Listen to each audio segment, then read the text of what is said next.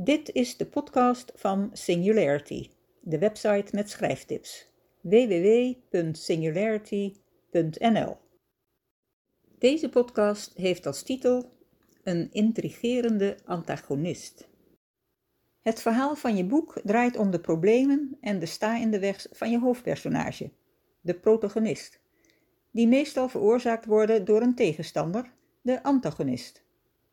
De rol van de antagonist kan ook door iets anders dan een persoon worden vervuld, zoals een catastrofe, maar in deze podcast gaat het over een persoon. Even vooraf, waar ik hij, hem en zijn, of zij en haar zeg, kun je ook andere genders lezen. Je antagonist is de stuwende kracht in je verhaal. Zijn taak is ervoor te zorgen dat je lezer wordt meegesleept, meevoelt met je protagonist en geraakt wordt door de tegenslagen en andere problemen waarmee je protagonist door de antagonist geconfronteerd wordt. De antagonist roept daarmee weerzin, nijd en andere emoties op. Niet alleen bij je protagonist, maar ook bij je lezer. Tegelijkertijd kan je antagonist een fascinerende persoonlijkheid hebben.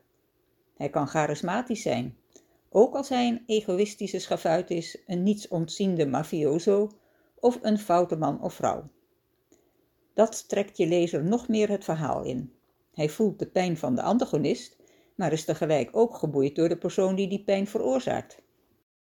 Nou hoeft de antagonist niet per se een slechterik te zijn. Hij kan ook iemand zijn die een concurrent is van de protagonist. Hij kan bijvoorbeeld de rivaal van de protagonist zijn, als ze beide hun zinnen hebben gezet op dezelfde betrekking, woning, vrouw, man enzovoort. En iemand die meedoet aan een hardloopwedstrijd kan alle andere deelnemers als zijn antagonisten beschouwen. Welke rol je antagonist ook speelt, een slechterik of iemand die toevallig in de weg van je protagonist staat, hij is een belangrijk personage in je boek. Soms zelfs belangrijker dan je protagonist. Het is de zaak om hem een duidelijke persoonlijkheid te geven. Hier vertel ik over een paar booswichten. In veel verhalen is de antagonist zonder meer een slechterik. Een immorele dan wel amorele figuur, vaak het tegenovergestelde van je protagonist. Hij roept diepe afkeer bij je lezer op. Je antagonist kan een hypocriet zijn. Hij doet zich met een vroom gezicht voor als aardig en behulpzaam, maar dat is nep.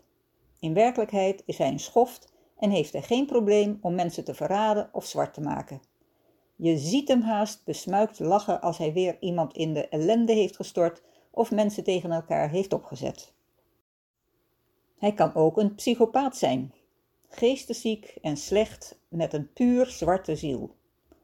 Ideaal als seriemoordenaar, genocideplegende dictator of sadist. Je lezer is doodsbenauwd voor hem.